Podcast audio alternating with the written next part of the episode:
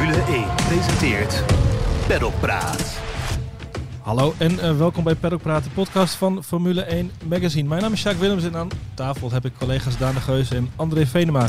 Het is een druilerige maandagmiddag in Amsterdam en we gaan alvast even vooruitkijken op de Grand Prix van Amerika komend weekend in Austin. André, daar ga jij naartoe.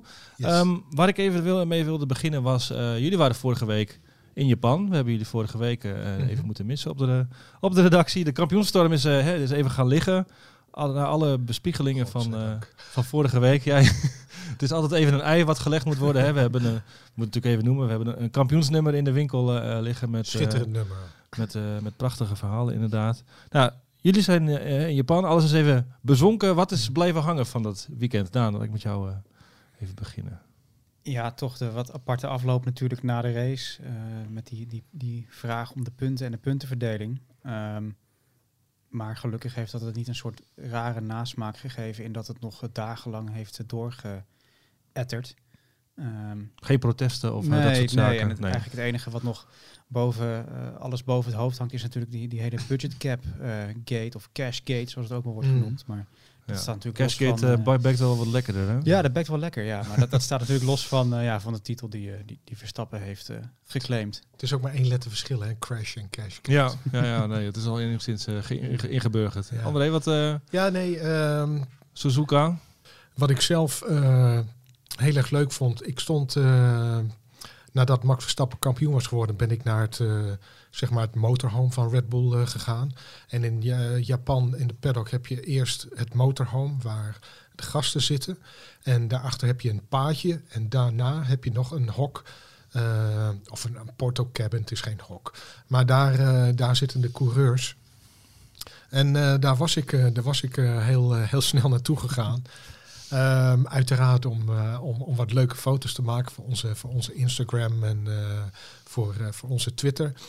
Um, en de eerste die ik tegenkwam was, was Raymond Vermeulen, de manager van Max Verstappen. Die had natuurlijk al een, een hoodie aan met, de, met de nieuwe... die waren al een tijdje gedrukt, denk die ik. Waren, ja. die, die, lagen al klaar, ja. en, en natuurlijk was er waarschijnlijk ook in het vliegtuig wel ruimte om een paar dozen mee te nemen. Maar... Uh, dus die was heel erg blij. Dat was heel erg leuk. En alle petjes en uh, hoodies die werden al uh, uitgedeeld. En uh, opeens zag ik Helmoet Marco. Die kwam dus zeg maar vanuit het normale motorhome. Ging die via de achteruitgang naar, naar, dat, apart, naar die aparte ruimte. En die had ook al een, een hoodie gekregen van, van Raymond en een petje. En hij stond daar, hij stond daar te bellen. helemaal in zijn eentje in het, in het donker. En ik stond, ik stond naast hem. Ik, ik, ik ken hem, ik ken hem een beetje. Dus hij weet natuurlijk ook wel wie, wie ik ben. En ik vroeg hem heel erg beleefd. Want ik bedoel, weet je, daar sta, hij staat daar dan in zijn hoodie. En met een, met een petje, weet je, half, Zoals op, allemaal een pet op half, half ja. op zijn hoofd. en ik dacht zo van... dus ik heb heel erg netjes, eerst netjes gevraagd. Ik zei van... Ik zeg, meneer Marco, vindt u het goed als ik een uh, foto van u, uh, van u maak? En toen zei hij, hij zei, ja, natuurlijk, uh, natuurlijk mag dat. Dus, dus ik heb een paar foto's van hem gemaakt terwijl hij stond te bellen. dat, dat vond ik op zich heel erg leuk. Maar wat, mij, wat ik net wou zeggen over, over, over Daan. Um, ik weet niet meer waar ik het las, maar volgens mij was het op, op Facebook dat... Um, Flavio Briatore, die had een, nogal een, uh, een betoog over, uh, over wat er eigenlijk allemaal is gebeurd. En met name voor de straf van, uh, van Leclerc, de vijf seconden straf. Waardoor Verstappen dus uiteindelijk wereldkampioen is geworden, omdat Perez tweede werd en Leclerc daardoor derde. En hij zei ook, en dat vond ik op zich wel interessant, dat deze beslissing van de vijf seconden tijdstraf, die was, nou, hoe lang heeft het geduurd? Ja, het was in de laatste ronde hè, dat het dus gebeurde. Ze werden Dus geïnterviewd in, uh, uh, toen het naar buiten kwam. Het is in vijf minuten Ja. is het uh, gedaan. Het is in vijf minuten uh, werd hij...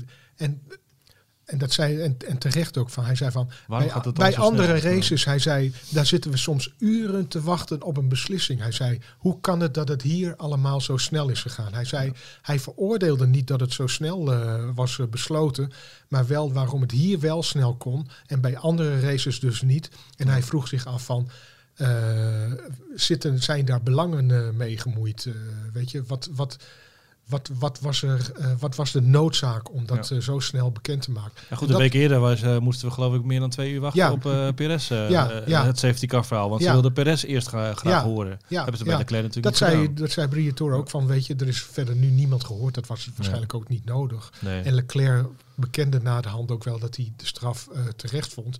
Maar zei Briatore van, weet je, had Leclerc er nou uiteindelijk voordeel van of niet dat hij, eh, dat hij die bocht eh, afsneed? Nou, je zag wel, Perez liep echt enorm in eh, na, na de bocht. Ja, En- maar en- goed, hij zat natuurlijk al een aantal ronden, eh, Ja. gewoon, Ja. eh, hij kwam er gewoon niet voorbij. En Leclerc ging wel op zijn lijn rijden. En ik had het idee dat Perez daarvoor wel moest... eh, moest of wel daar, verlichten, daardoor werd ja. afgeremd in ieder geval. Ja, god. Maar goed, ik vond het wel in Eh, ieder geval een hele, heel interessante Ja, betoog. eh. Procedureel heeft hij wel een punt, inderdaad. Eh, dat vond Binotto volgens mij ook wel. Hè? Dat er werd wel heel snel gehandeld. Ik zag in ieder geval van het weekend eh, eh, beelden uit Monaco van Max Verstappen samen met Lando Norris achter een DJ-tafel. Dus die, ja, die titel die is eh, lang en breed gevierd, neem ik aan. Ehm, ja, wat, wat, je, wat je zegt, Daan, het hele budgetcap verhaal, dat hangt nog wel een beetje over de markt. Uh, Zac Brown komt eh, vandaag naar buiten met een, eh, of nee, hij komt niet zelf naar buiten, maar een brief is in handen van de BBC waarin nou ja, Zac Brown heel erg aandringt, dit moet keihard worden afgestraft. Wat was jullie nou ja, indruk in de, in de paddock van, dit, nou ja, van deze kwestie? Je, je draait al een beetje met de ogen, André, maar... Ik, ik heb het idee dat, uh, dat er in de paddock uh, heel erg nonchalant op, uh, op is gere gereageerd. Als in? Nou, dat het, dat het misschien wel gewoon niet meer dan een storm in een glas water is. Um, maar je ziet, je ziet maar al die roepen om, om, om straffen, is dat, wordt, dat, dat wordt niet terecht gevonden dan? Of, of is dat ja, gewoon maar, het spelletje van... Ook dat, maar ik denk dat een hele hoop mensen, wat er nu bekend is dan, dat een hoop mensen het vergrijp niet dusdanig vinden dat daar echt uh, zulke zwaarwegende maatregelen voor uh, getroffen Mhm. mm -hmm. moeten worden als sommige mensen uh, willen. Nee. Um, wat je wel ziet, uh, tenminste dat bespeurde ik zelf in, in Suzuka ook, is dat er toch wel een, een, een, een scheiding is tussen zeg maar, de niet-Engelse journalisten en, en de rest. Weet je, uh, Jos Verstappen die haalt dat ook aan in, uh, in het uh, interview wat in ons kampioensnummer staat. Dat, um, en, en Christian Horner, Daan, dat weet jij ook, mm -hmm. die ging daar, waar was het? Of was dat al in Singapore? Ja, zowel in Singapore ging hij er vrij hard in in de persconferentie. Met, die, met, de, en, met, de, met, met Andrew Benson van de BBC. Ja, dat hij ook zei dat hij die indruk had dat Benson uh, gesouffleerd was door ja. uh, iemand van Mercedes. Ja. dus dat is uh, toch wel een, een, een, ja. Maar dat, dat heb ik vorige keer al gezegd. Weet je, mm. iedereen heeft zo zijn lijntjes. Ja, en, ja, ja. dat, dat, dat, dat zie je nu met deze kwestie met, met Cashgate. zie, je, zie je dat ook. Wat ik ook nog even wou zeggen. Um, Ecclestone heeft via zijn uh, Zwitserse, uh, zijn Zwitserse lijntje, zijn Zwitserse, Zwitserse lijntje ja. met Roger Benoit, blik, heeft al laten weten ook, en ook gezegd van dat dit echt keihard uh, afgestraft moet worden. Ja. Desnoods met het ontnemen van een, uh, van een wereldtitel of, of, of wat dan ook. Ja, afgezien van alles wat hij voor de sport gedaan heeft, nemen we Bernie Ecclestone nog serieus? nou, Vraag ik me even nee. hard op af. Ja. Nee, nee, dat niet. Maar er wordt. Er ook weer eentje uit de Engelse hoek trouwens, de, die om straf Ja, tuurlijk. Uh, maar ja. er wordt nog wel, al, er wordt nog wel altijd naar hem, uh, ja. hem, geluisterd op de een of andere manier. Ja, ja, ja. ja. Dus in die zin Zijn lijntjes doet, zijn hij, er doet nog, hij er nog een beetje toe, ja. Goed. Um, ja, dat zal vervolgd worden over snelheid gesproken van straffen uitspreken. Dat zal in mm. deze ook nog wel eventjes... Uh, uh, ja, ja, tijd, uh, tijd nodig hebben. Het is natuurlijk gewoon krom dat je eerst zegt van we willen in, in de eerste seizoen zelf, rond de eerste seizoen zelf, dat allemaal bekendmaken. En dan wordt het uh, oktober. Ja. Dan stel je het nog een keer uit. En dan kom je met een uitspraak zonder dat er een, uh, hoe zeg je dat, een, een verdict, een oordeel aan hangt. Ja. Uh, dat pleit niet voor de, ja, de transparantie die de FIA claimt, nee. claimt na, te na te streven. En ik denk wel dat het belangrijk ook is dat er gewoon duidelijke straffen volgen die passen bij, bij de vergrijpen. Hè? Want dat is ook wat Brown aanhaalt in die brief natuurlijk. Van dit is het, het eerste jaar dat het gehandhaafd wordt, oké. Okay, maar Mhm. we hebben al een jaar kunnen oefenen, oefenen, in, in ja. twee- 2020. Dat wil ik nog en, aanhouden. Ja. en 2021 was dan het eerste jaar dat je je boekhouding moest uh, ja, indienen daarna. Um, dus het is niet, ja, dus hij is ook van eigenlijk de, de speelruimte die had wel afgedekt moeten zijn. En het is heel lastig voor ons om in te schatten hè, wat Red Bull nou precies heeft gedaan. Of het procedureel is geweest, toch vooral. Of dat het toch echt om geld gaat wat misschien links is bespaard en dan rechts alsnog uitgegeven. Ja. Dus Er wordt ook Eh, veel al gespeculeerd hè, ja, over de salarissen dus- van Newey en Marco. Staan die nou wel of niet in de boeken? Precies. Ja. En het is bij een Formule 1 team natuurlijk wel zo dat hè, wat, je, wat je niet aan het een uitgeeft, dat geef je in principe uit aan, aan performance natuurlijk. Dat ga je niet uitgeven aan, aan catering of zo. Nee. Wat sowieso buiten de budgetcap eh Ja. valt, geloof ik, grotendeels. Oké, ja. Eh, maar dat, dat is ook het hele probleem. Er zijn gewoon heel veel complicaties aan die budgetcap, aan wat wel en niet telt eh, op het circuit, op de fabriek, wat Ja. marketing is, wat technisch is, wat sportief is. En Ja. ik denk het punt van Brown wat ik wel onderlijn, het is gewoon heel belangrijk dat er snel duidelijkheid komt en dat het niet blijft, blijft etteren. En Ja. ja. tot die tijd is het voor ons gewoon heel moeilijk om, om te zeggen van ja, die of die straf past. Omdat wij gewoon niet weten, gaat het om drie ton, gaat het om 6 miljoen? Dat is ook nogal een verschil. Hè? Ja, ja. En die marge van 5%, daar ben ik ook wel met hem eens. Dat, is, dat klinkt als heel weinig, veel, maar dat is ja. geloof ik 7, 7,5 miljoen. Ja, daar, daar kun je wel wat mee. Ja. Ja. Vergeer zei het vorige week ook nog. Ik hoop niet dat het elk jaar weer zo'n boekhoudkampioenschap eh, wordt. Wie de, nou ja, de Mhm. beste accountants in dienst heeft, die eh nou ja, ontspringt het dan of dan wel Ja. wordt gestraft of ja, wat dan ook. Ehm, laten we vooral even Misschien krijgen we ook een silly season eh, wat boeken. Ja. ja, ja, ja, ja, ja. Dat Red Mercedes nu de boekhouders van Red Bull gaat, eh, gaat, gaat paaien als ze er onderuit komen. Oh, goed gedaan. Valt het dan onder de budgetcap of niet? ja. ja, eigenlijk zouden de best betaalde boekhouders ook niet... ja, goed. Ah, Die Fijn. verdienen zichzelf terug. ja. ja. Amerika eh, komend weekend. André, je gaat er naartoe. Even eenmaal in het Amerikaanse te blijven. Ik vond het wel een interessante van Gene Haas. Veel kritiek op, op Mick Schumacher. Hij kost bakken voor geld en had veel te weinig punten. De, nou ja, de, de- de- hoe zeg je dat? De, er wordt, wordt druk aan de stoelpoten gezaagd. En nu ook van binnenuit lijkt het wel. ja, het is wel duidelijk dat die jongen op, op de schopstoel zit daar. Ja, En je vraagt je eigenlijk af, als je die uitspraken ziet van hem, als je die uitspraken ook ziet van, van Gunther Steiner, de teambaas, dan het lijkt een gedane zaak. Dan lijkt het een gedane zaak. Eh, Er schijnt in Amerika nog een gesprek met hem eh, te volgen, omdat Gene Haas er dan is. Gene Haas is er niet, is er niet vaak. Eh, maar ja, Er is donderdag trouwens, sorry dat je, er is donderdag Dat is, ook een persconferentie aangekondigd. Hè?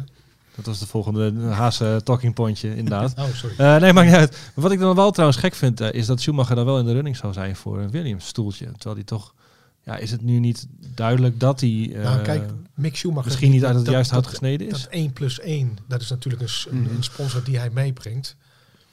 Ehm, en bij Williams eh, vinden ze het fijn eh, als een Ja, coureur... eh, Met het wegvallen van Latifi. Ja, Ja, dat scheelt nogal een slok op, eh, op een borrel. ja. nou, laten we wel zijn, als je, als je een jongen zoekt die ervaring heeft, waar misschien toch nog wat rek in zit, Is Dan hij kom je misschien wel, eh, toch ja. wel bij hem uit natuurlijk. Eh, omdat Williams zit natuurlijk ook met de situatie dat Sargent, de jongen die ze eigenlijk willen, die heeft nog geen superlicentie. En dat weten ze pas in, eh, ja, in Abu Dhabi. Ja, ja oké. Afwachten dus. Nou, Ja, André, jij... eh, eh, maar, maar met, met Schumacher ook, met, met Haas, weet je. eh, ik heb het al vaker gezegd. In de Formule 1 wordt niets, eh, niet zonder reden eh, gezegd of gedaan. nee. Ehm, In de week gelegd, in- zeg in jij de- altijd. In de hè? week ja. gelegd, ja.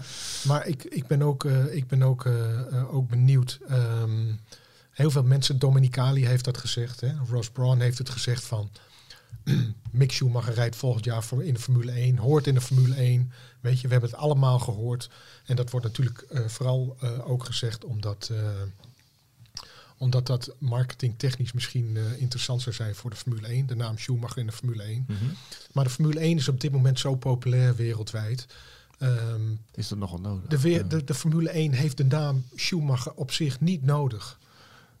Ja, en ik vind het ook eigenlijk helemaal niet zo'n hele nou ja, sprankelende jongen of zo. Het is wel een beetje... Het is, een het, is, beetje, het is wel een hele keurige en correcte Dat? en welgemanierde jongen. Hè? Waar niks mis mee is. Nee, maar nee, dat is... als je het hebt over marketing, hè, weet ik veel, het is geen Daniel Ricciardo of eh, iemand die eh, de socials Nee, haalt met nee. leuke eh, uitspraken of grapjes of weet ik veel. Altijd leuke foto's met zijn hond. Wholesome content, zoals je dat dan tegenwoordig noemt. Maar ja, wat het ook is, ik, ik denk ook als je het hebt over de jongere generatie volgers, die, die hebben zijn vader toch ook niet zo heel bewust meegekregen. Dus ik denk dat het Schumacher naamargument in die zin ook gewoon minder meespeelt. ja. Met Dominicali en Braun. Ik bedoel, die hebben natuurlijk eh, met, eh, met, eh, met zijn vader eh, Ja. heel nauw gewerkt. Dus ik Ja. denk dat dat meer... ook- Jean Todt deed dat ook. eh, eh, ja, ik bedoel, Jean Todt heeft natuurlijk ook heel erg zijn best gedaan om eh, Mick Schumacher Ja. overal, eh, Maar het is niet zo dat, hè, om Ecclestone maar weer even aan te halen, dat er een envelopje richting Haas gaat om, eh, of om een ander team om, om Schumacher. Maar, nee, nou ja, eh, goed, het feit dat Ferrari eh, de, hem uit het niet meer ondersteunt uit het driver development of talentenprogramma, laten we Ja. het zo maar noemen. Ja, ja. Even, dat zegt natuurlijk, dat zegt natuurlijk Dat ook wel genoeg, dat zegt natuurlijk ook wel wat. Oh, ja. Gaan we zien. Nou, je zei het net al, Haas heeft nog een aankondiging eh, aangekondigd. Ja, Eh, wanneer is die sorry. donderdag? Er wordt waarschijnlijk gebarbecued en dan wordt er iets verteld. Is er al een beetje een, een idee van wat daar eh, uit zou ko- kunnen komen? Ja, het verhaal gaat dat ze toch eindelijk een, een grote sponsor gaan aankondigen. En dan hopelijk eentje die wat... Geen Russische sponsor? Eh, ja, ik wil zeggen, hopelijk niet dat. En hopelijk ook geen, geen vaag energiedrankbedrijf, wat ze natuurlijk ook hebben gehad. oh ja, god, je zou het bijna ja. vergeten inderdaad. Ja, Ja. ja, Rich Energy. Maar met de barbecue zal het eh, wel goed zitten. Meestal in Austin is eh, de huisketeraar is Black's Barbecue. En dat is echt eh, ja, voortreffelijk. Dus, Ja, dus André zit we met eh, vette vingers eh, aan de ribs eh, straks. waarschijnlijk wel. Ed Sheeran, Green Day treden op. Is dat nog iets waar je voor eh, dat, eh, het werk wat, wat harder afraffelt om dat te zien? Gaat, eh, van, die, van die artiesten gaat mijn hart sneller kloppen. Nee. Maar het, is je- wel, het is wel een Grand Prix waar je graag naartoe gaat, geloof ik. Hè? Ja, ja ik, ik kom sowieso heel graag in Amerika. Ja. Zei net al, het NBA-seizoen begint weer. NBA-seizoen begint weer, dus als ik s'avonds op mijn hotelkamer zit, dan kom ik er ook niet meer vanaf. Nee. Ehm, en vorig jaar, eh, vorig, kijk, ik heb de, de Grand Prix nog meegemaakt dat het dat je troosteloos dat je begonnen. overal Ja. eh, dat je overal doorreed dat er gewoon dat er gewoon nou, wat, wat zat er aan publiek? eh 40.000 mensen of zo op een, eh, Ja. op, op een zondag. Het is nu. En Wat was nu- het op zondag? Vorig jaar waren er geloof ik over het hele weekend 430.000 mensen. Ja. En er was een energie en een sfeer. Het was echt, eh, was echt fantastisch. Electric. Ja, dat was echt inderdaad electric. Dat was echt een van de alle, vond ik in dat opzicht een van de allermooiste Grand Prix eh, waar, ik, eh, Ja. waar ik ben geweest. En een hele goede wedstrijd ook nog eens. Een hele goede, jaar. hele Ja. spannende wedstrijd. Ja, ik denk misschien wel de mooiste vorig jaar van, van, van Max Verstappen. Dus, Ja. Die eigenlijk ook niet had mogen winnen. Hè. Eh, Hamilton was uh, in de slotfase echt sneller. Maar, ja. uh, met dank aan Micha Mick Schumacher trouwens. Kreeg Verstappen nog die DRS aan het einde, kan ik me nog herinneren. En uh, ja, wat vinden we van het circuit? Het is, het is een tielkebaan. Ik vind het heel mooi. Het, over het algemeen wordt het niet opgevat als een compliment, maar in dit geval... Het is, ik vind het een prachtig circuit. Het is wijds. Ja. Het is hoogteverschil. Ik, ik vind het echt een heel mooie baan. De, de grootste lijnen zijn ook getekend door een uh, oud motorcoureur natuurlijk, Kevin Schwans uh, volgens mij. Uh, dat zie je ook wel terug in het circuit, vind ik. Het is echt duidelijk meer dan alleen een Formule 1 circuit. Hè. De, de MotoGP kan er goed racen. Ze hebben veel uh, lokale en internationale klasses die er, die er goed racen. En het is echt een enorm complex. Ik weet nog dat ik daar in 2016 of 2017 was. En dat ik dacht van, weet je, toen gingen ook al wat verhalen van Zandvoort weer een Grand Prix. Dat ik dacht van, weet je, dit circuit is gewoon zo groot als het hele dorp Zandvoort. En hoe moet het dan ooit gaan lukken in, in Nederland? Nou, dat is, dat is natuurlijk gelukt, ja, maar ja. Um, wat André zegt, het is een heel mooi circuit. En ja, het wordt nu ook omarmd door, door de fans, lijkt wel. En ik denk dat de eerste keer dat ik het echt druk heb gezien daar, was ook in 2016 op, uh, op de zaterdag. Toen trad uh, Taylor Swift op, die toen ah, echt uh, op de toppunt van haar roem was. Ja. nou, niet vooraan, maar ik heb wel, wel even wezen kijken. Maar ja, je ziet gewoon dat, dat zij toch als een van de eerste een beetje dat, dat hele entertainment Grand Prix ja. Concept hebben om, omarmd. Ja, maar zelfs, zelfs in het begin, hè, met heel veel topartiesten, zelfs toen was het nog niet, uh, niet zo druk, zoals, nee. zo druk als het nu eigenlijk, uh, mm -hmm. eigenlijk is. Ja, want we krijgen nu het, hè, we hebben Miami dit jaar erbij gekregen, volgend ja. jaar Las Vegas. Mm -hmm. um, terwijl deze Grand Prix juist zo enorm gegroeid is. Dus het is, hè, die andere twee worden volgens mij door de Formule 1 juist deze, opgepompt de, als dat moet het uithangbord worden. Terwijl deze... De race in Austin was, bijna niet die, was er, bij, die was er bijna nee. niet meer geweest. Nee. Er kwam niemand, uh, eigenlijk vond niemand het, uh, niemand het leuk. en, uh, moest heel veel staatssteun bij. Moest he, ja. Uh, en je ziet nu, um, mede ook, uh, ook door, uh, door, door Netflix... Uh, Netflix en Max Verstappen hebben deze Grand Prix, denk ik, uh, uh, denk, denk ik gered. En Max Verstappen Van, omdat? Nou ja, ik bedoel, hij, zijn, in zijn eerste jaar werd hij daar vierde. En Max Verstappen heeft wel meer Grand Prix, denk ik, gered. niet alleen vanwege de komst van, van Nederlandse fans, maar ook vanwege zijn, zijn rijstijl. Hè. Ik bedoel, hij was toch vanaf het eerste moment eigenlijk de enige, daar, ja, de enige serieuze uitdager van, van Hamilton. Ja. Ja. Dus, uh, en, en, en, en, nu, En nu, vorig jaar, 400, weet ik veel, 40, 405. Nu is het een, eh, nu is het een top Grand Prix. Eh, maar heb je het gevaar, en dat zei Jeff Gordon, eh, die zei dat in Miami ook. Dat is een eh, beroemde NASCAR-coureur. De Rainbow Warrior. groot, eh, groot, groot coureur, die zei van... Wordt Austin nu, eh, en dat hoopt hij niet, wordt Austin nu het kind van de rekening? Hè? Miami en Las Vegas, dat zijn, de, dat zijn eigenlijk de show Grand Prix. Ja. En dat zijn de races die Liberty graag wil. Eh, hoop, eh, hoop sterren, hoop toeters en bellen. Wat vind je ervan eigenlijk? Je je volgt de sport nu al heel lang. Het is toch weer even een, nog een overtreffende trap of zo, zo Las Vegas. Ja, ik, Je, hebt, je, hebt- je denkt, nou, het kan eigenlijk al niet gekker. Saudi-Arabië is een beetje al een, een- misschien een vreemde eend in de bijt. En nu, nu Las Vegas erbij. weet je, ik, ik, ik, hou van, eh, ik hou van Amerikaanse sport. En ik ben heel veel bij, eh, bij NBA-wedstrijden eh, geweest. En ook bij, bij college, bij, bij voetbal en bij andere Amerikaanse sport. De manier waarop in Amerika eh, sport is daar gewoon entertainment. Mensen Mhm. moeten twee, twee uur, tweeënhalf uur vermaakt worden. En ze houden ervan om, eh, om, om sterren eh courtside te hebben of wat dan ook. Dat is gewoon de Amerikaanse Ja. cultuur. En ik weet dat er heel veel mensen zijn die er niet van houden. Die het allemaal maar poeha vinden en, en koude drukte. Maar eh, ik hou, Ja, er, er ik, hou er Ja. wel van. Ja. Omdat, ik, omdat, ik, omdat, ik, omdat ik het gewoon ja, mooi vind hoe, hoe ze mensen daar proberen eh, te vermaken. Ja, ja. Oké. Ehm, niet. Nee, ik, ik, ik, kan, ik kan er ook wel van genieten hoor. Dat, eh, ik heb ook zeker affini- heel veel affiniteit voor Amerika. Dus eh, ik vind het ook wel mooi. Ik snap wel dat er mensen zijn die, die zeggen van het, is, het is een beetje match misschien Ja. bij bepaalde Grand Prix. Miami was wel echt die, match, vond Die, ik. die maar, nep Marina. wacht maar tot volgend die jaar. maar volgens mij was het alleen maar meer. Inderdaad, wa- wacht maar tot Vegas. En wat Ja. Austin betreft, het is natuurlijk wat, wat we net zeggen, een geweldig circuit.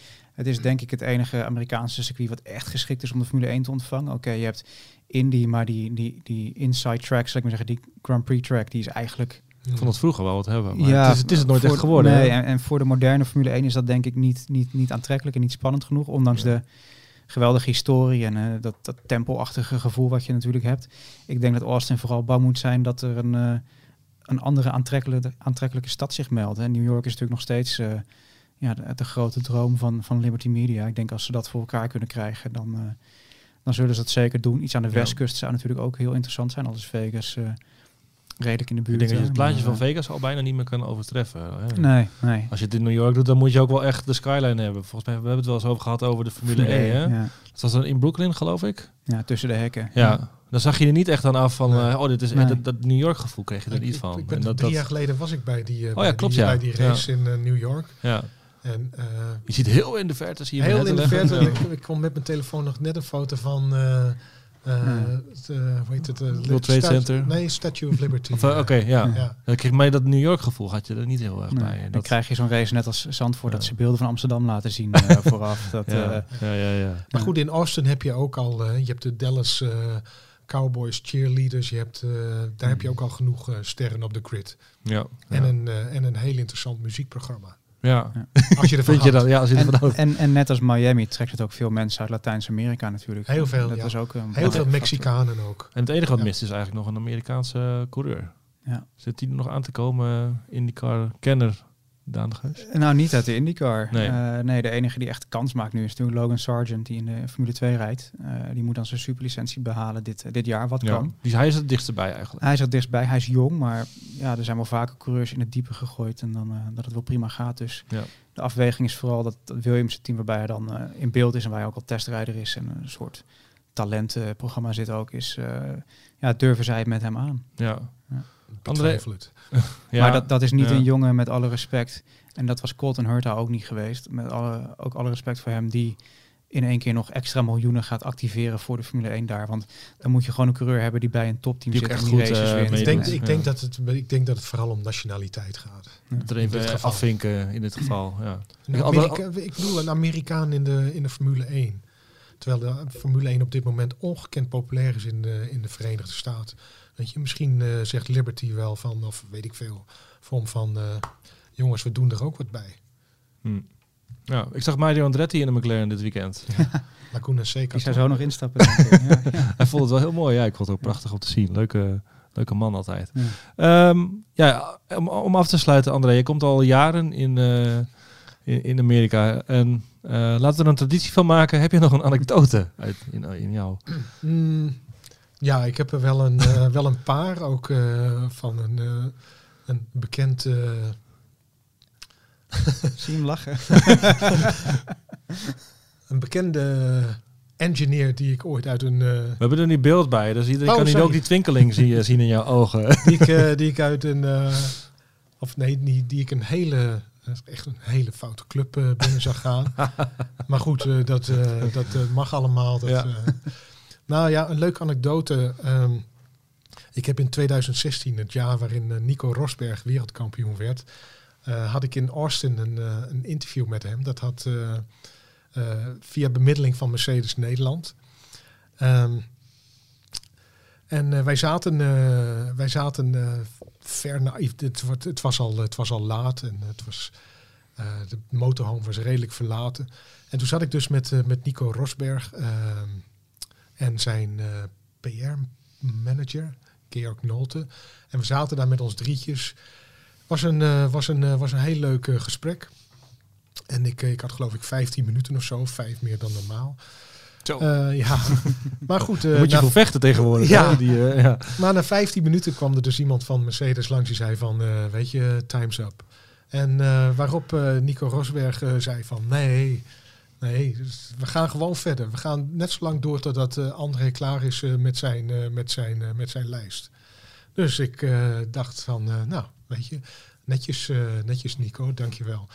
Nou, op een bepaald moment waren we, waren we klaar. Ik geloof een klein half uur hebben we uiteindelijk eh, zitten kletsen over van alles en nog wat. Ik moet zeggen, het was, hij was heel openhartig en heel, eh, heel eerlijk. Ehm, daarna heb ik iets eh, gedaan, ik durf het bijna niet te zeggen, maar aan de andere kant schaam ik me er ook niet heel erg voor.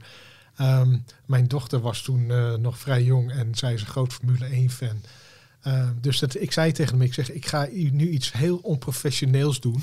Ehm, ik wil graag, eh, mijn dochter vraag, heeft gevraagd of ik een handtekening wil vragen naar jou. Dus en toen zei hij van, eh, ja weet je, eh, je hoeft je verder niet eh, te verontschuldigen. Hij zei, voor je kind doe je alles. Zet je alles opzij. Daar zet je alle. Ik zei, ik zeg, Nico, ik zeg, dat is waar, jij begrijpt het. Hij was volgens mij toen zelf ook net, eh, net, net vader. Nou, een van de redenen waarom hij aan het eind van het jaar Ja. ook wel eh Ja. stopte hè, na zijn kampioenschap. Maar goed, eh, hij pakte eh, een papiertje uit mijn boekje en schreef een leuk verhaaltje bij. eh, ik zal niet zeggen wat het was, maar het was in ieder geval een heel leuk verhaaltje met een kus en een groet van, van Nico. Ehm, later, ehm, ik heb dit verhaal ooit ook aan, aan Jack, Jack Ploy verteld van, van Ziggo Sport. Ehm, want wat is nou? Eh, een jaar of zes daarvoor had ik eh, eh, Nico Rosberg ook aangevraagd voor het interview. Destijds werkte ik nog voor het Algemeen Dagblad. Ehm, ik wilde, ehm, dat was voor de Grand Prix van Monaco.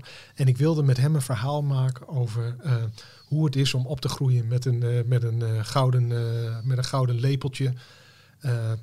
Maar- Zorgeloos. eh, Zorgeloos, weet je wel, eh, is het moeilijk om eh, in Monaco op te groeien. Maakt het het makkelijker als je geld hebt om de Formule 1 binnen te komen, autosport, bla bla bla, noem maar op. Goed, daar begon ik het interview mee en Rosberg was niet heel erg amused. En, om het maar zacht uit te drukken. En hij zei van, ja, weet je, wat is dit voor kutvragen? Zo, zo. Maar gewoon, allemaal van, en ik zei van, ja, weet je, dit. En ik legde uit waarom ik het wilde vragen. En ik was er helemaal niet om hem af te zeiken, om, of- om hem neer te zetten als een, eh, als, een, als een goudhaantje of wat dan ook.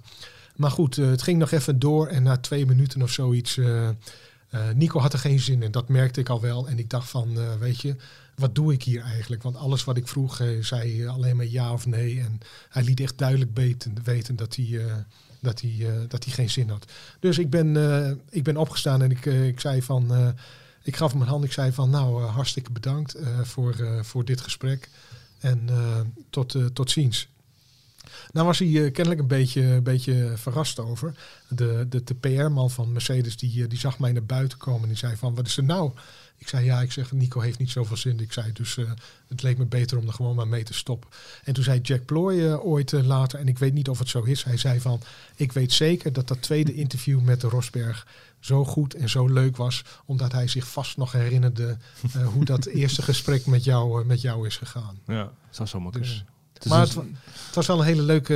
Het was wat ik zeg. Met dat tweede gesprek eh, heeft hij. eh, heeft hij dat, eh, dat eerste klote gesprek wel helemaal, helemaal gecompenseerd. misschien wel weer leuk om eens een keer aan te vragen.